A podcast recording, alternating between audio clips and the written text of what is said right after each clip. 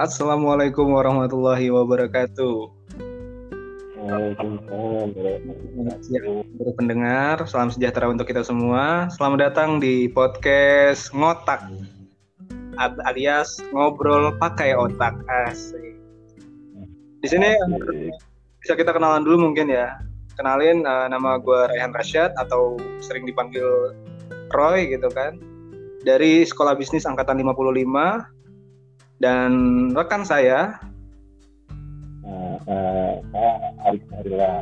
Biasanya dipanggil Arif dari SD 55. Ya, sebenarnya podcast ini kita buat buat apa sih, Rik? Sebenarnya uh, buat ini sih, uh, buat tugas tugas dari salah satu mata kuliah di sekolah bisnis. Wih, Cuman keren banget. Masa iya, tugas, cuman, tugas tapi suruh bikin podcast, wah gila sih ini. Iya. Kayaknya menarik banget ya mata kuliahnya ya. Benar. Oke. Jadi kita sekarang lagi bikin podcast terkait dengan mata kuliah yaitu bisnis keluarga perspektif dari Asia. Uh, materi yang kita pengen bawain apa sih, Rik? Uh, untuk pertemuan kali ini nih uh, kita bakal bahas uh, konflik combination di uh, bisnis keluarga atau family business. Oke. Ini berarti kita tentang ngobrolin masalah konflik-konflik yang terjadi di bisnis keluarga yang ada di perusahaan-perusahaan yang ada dah di dunia gitu ya. Benar. Kan kebanyakan perusahaan ini dimiliki ya ada beberapa yang sistemnya itu keluarga gitu. Oh. Keluarga. Nah, di situ tuh yang konflik. Nah, konfliknya apa aja ntar bakal kita bahas. Oke kalau kita lihat bisnis keluarga di Indonesia itu lumayan banyak ya. Bahkan eh, orang-orang terkaya di Indonesia itu termasuk pemiliknya yaitu bisnis keluarga juga. Kita lihat ya paling atas itu kalau nggak salah ada PT Jarum.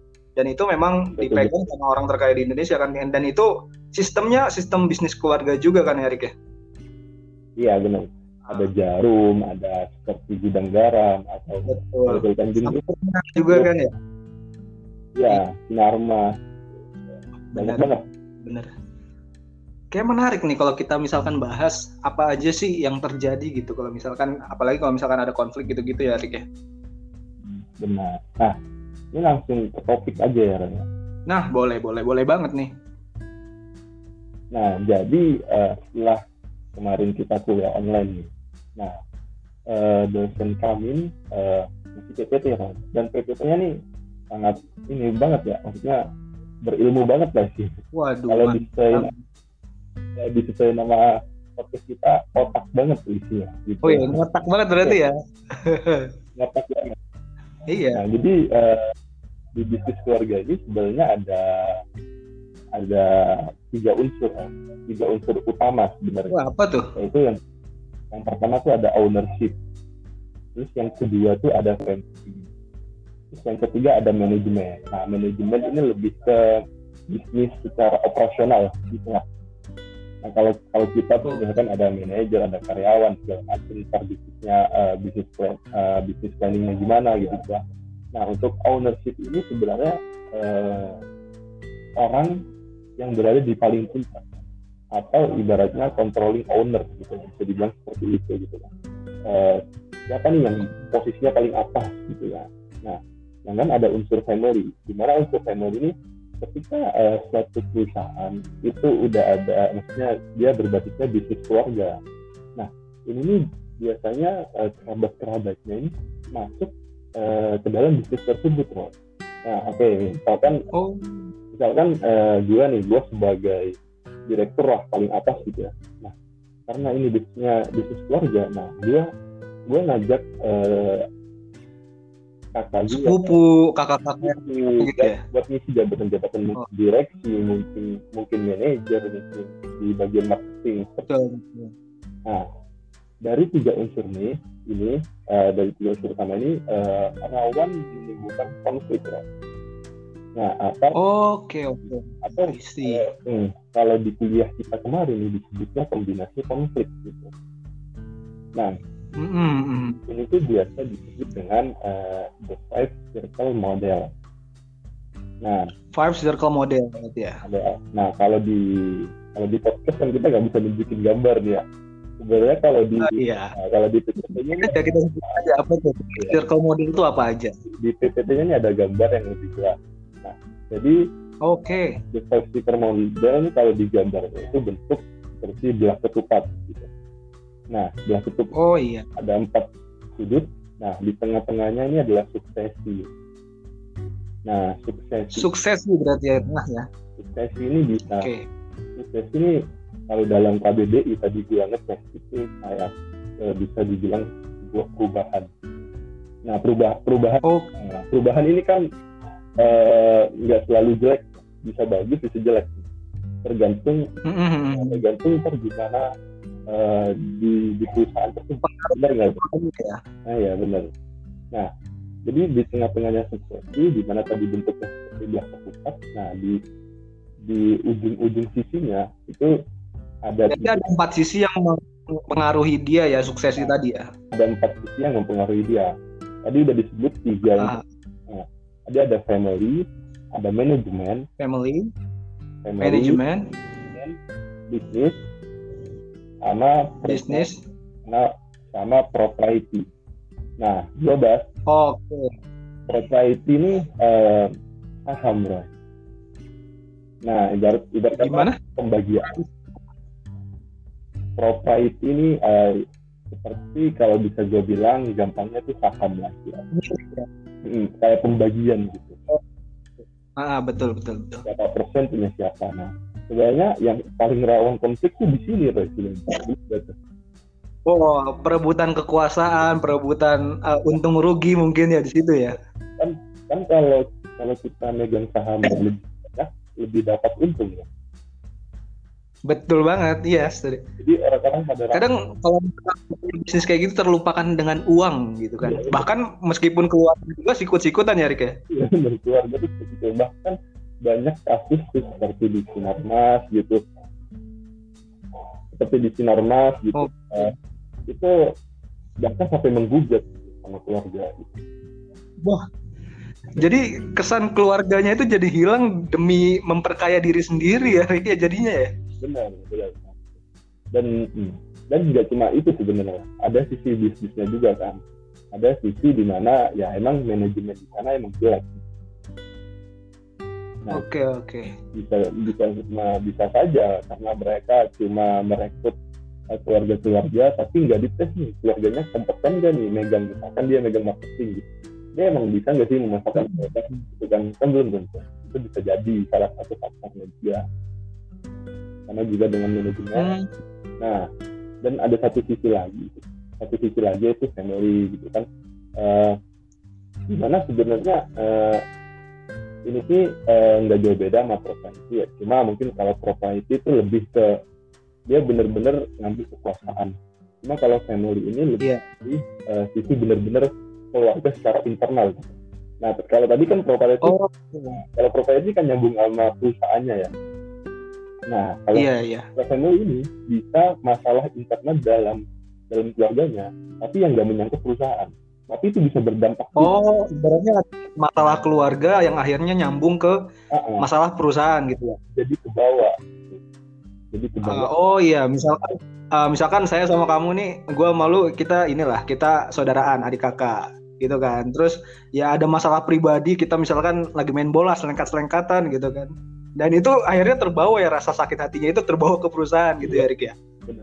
Ada, ada ada satu contoh nih Roy, tentang family ini. Eh, Adidas dan Wah, apa tuh apa tuh? Adidas dan Puma. Nah, Adidas dan Puma. Oh, gue sempat sempat baca-baca juga nih, Rik. Adidas sama Puma ya. nah sebenarnya mereka dulu yang punya nih satu saudara, kakak beradik. Nah, Hmm, pertama ya yang Puma dulu. Nah, kalau nggak salah nih ya, gue gue soalnya Puma dulu ya bisa. gue soalnya cuma baca satu artikel kan nah gue baca tuh Hmm, hmm. gue dapat info oh ternyata dulu si adiknya ini pernah dipenjarain pas perang dunia kedua masih rawan-rawan Waduh, gitu. banget ini ya. Nah, Senggol senggol senggolannya udah bukan selengkat selengkatan tapi main penjara penjaraan wah ngeri juga ya mainannya ya. tapi yang yang gue tahu itu bukan masalah perusahaan nah tapi setelah Oh, nah, setelah keluar tapi masalah pribadi berarti ya ah, masalah, masalah pribadi tuh. setelah mereka Mhm. keluar setelah mereka keluar dari penjara nah, si adiknya ini eh, nggak mau bilang eh, nggak mau ikut gabung sama perusahaan kakaknya. Dia Oh, buat baru punya dendam pribadi lah gitu ya. Dia buat lah baru nah itu sebenarnya. Tadi eh, the five circle model dari di tengah itu ada suksesi di mana perubahan kan bisa terjadi apa pun itu. Nah, terus yang sisi mengelilingi ada empat tadi itu family management bisnis sama propriety itu loh singkatnya betul. dari kita kemarin. sih. Oke. Bahkan ini gue sempat baca-baca artikel kan tadi abis lo kabarin tentang Adidas sama Puma. Bahkan perseteruannya itu sampai sekarang. Rick. iya benar sih Itu itu perseteruan yang dari zaman kapan akhirnya terbawa. Bahkan sekarang kan Puma sama Adidas itu udah jadi brand gede lah gitu ya. iya benar Dan itu pers perselisihan masih ada ya ternyata ya. Hmm. Wah, segitu parahnya berarti ya. benar Waduh. Itu ya gitu ya ini yang yang Iya. yang kita pelajari kemarin sih. Dan kebetulan memang Mm, mm. cocok banget. Oh ya Ros eh gue pengen tahu tadi kan gue nyebutnya contoh yang dari luar negeri.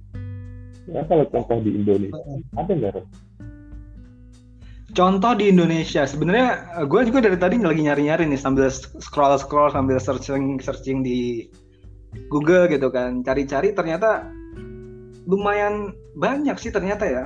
hmm. Banyak yang kayak kita ambil contoh yang sempat kita sempat dikasih tahu sama dosen kita juga Nyonya Menir itu juga sempat ada perselisihan di dalamnya. Terus ada juga Mas Pion, Mas Pion juga ada termasuk salah satunya ada yang bermasalah lah gitu. Dan kalau kalau kalau kalau gue tadi narik eh, kayak ada kasus dari ini Rik, dari apa? Taksi Bluebird. oh tim Nah, iya iya Iya, gue gue ngambil taksi. Coba lu coba bantu cari-cari deh gitu. Intinya eh, Bluebird tuh sempat ada eh, permasalahan juga Rik ternyata Rik. Cuma gue masih ngecek ya. Intinya ada eh, dua keluarga lah, ada ada satu keluarga yang dulunya itu sempat gabung ya ya sempat gabung karena ini kan Bluebird itu sistemnya eh, bisnis keluarga juga gitu. Dan ada satu yang itu kayak menuntut sahamnya itu. Jadi jadi rebutan saham di situ Rik. Bluebird ini. Hmm, ada gitu ya Heeh. sebentar nih. Gue gue coba baca-baca artikelnya juga ya. Oke. Tapi ternyata memang banyak loh Rick ya yang ada masalah-masalah gitu, apalagi untuk perusahaan keluarga gitu. Dan memang itu harus dijadiin suatu yang harus diperhatikan saat kita mau bikin perusahaan dengan membawa keluarga kita masuk ke dalamnya ya.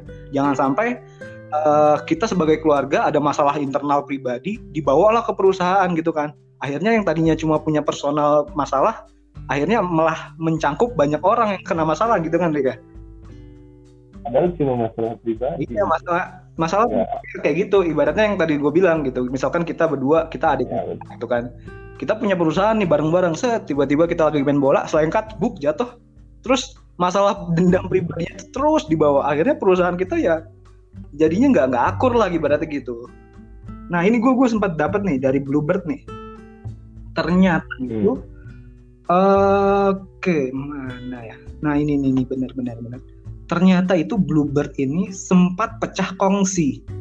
Jadi kakak kandung, kakak kandung yang pemegang saham, uh, pemegang apa namanya? Ya pemegang inilah pemegang kekuasaan sah untuk PT Bluebird ini ternyata sempat uh, dimintain sama sepupunya atau siapa ini coba ya saya cek dulu ya. Oke, uh, oh kakak kandung. Jadi jadi uh, ada nih namanya Mas Purnomo. Mas Purnomo itu dia di dia tuh dir- direktur dari Bluebird dan akhirnya kakaknya itu ada yang datang ke dia, ujuk-ujuk datang ke dia ngomong saya mau minta saham gitu atas apa yang harusnya saya dapat gitu. Padahal gitu kan, padahal menurut tuturannya Pak Purnomo ini ternyata si kakaknya yang minta saham itu ternyata udah sekitar dari dari 1993 udah nggak pernah ngurusin Bluebird.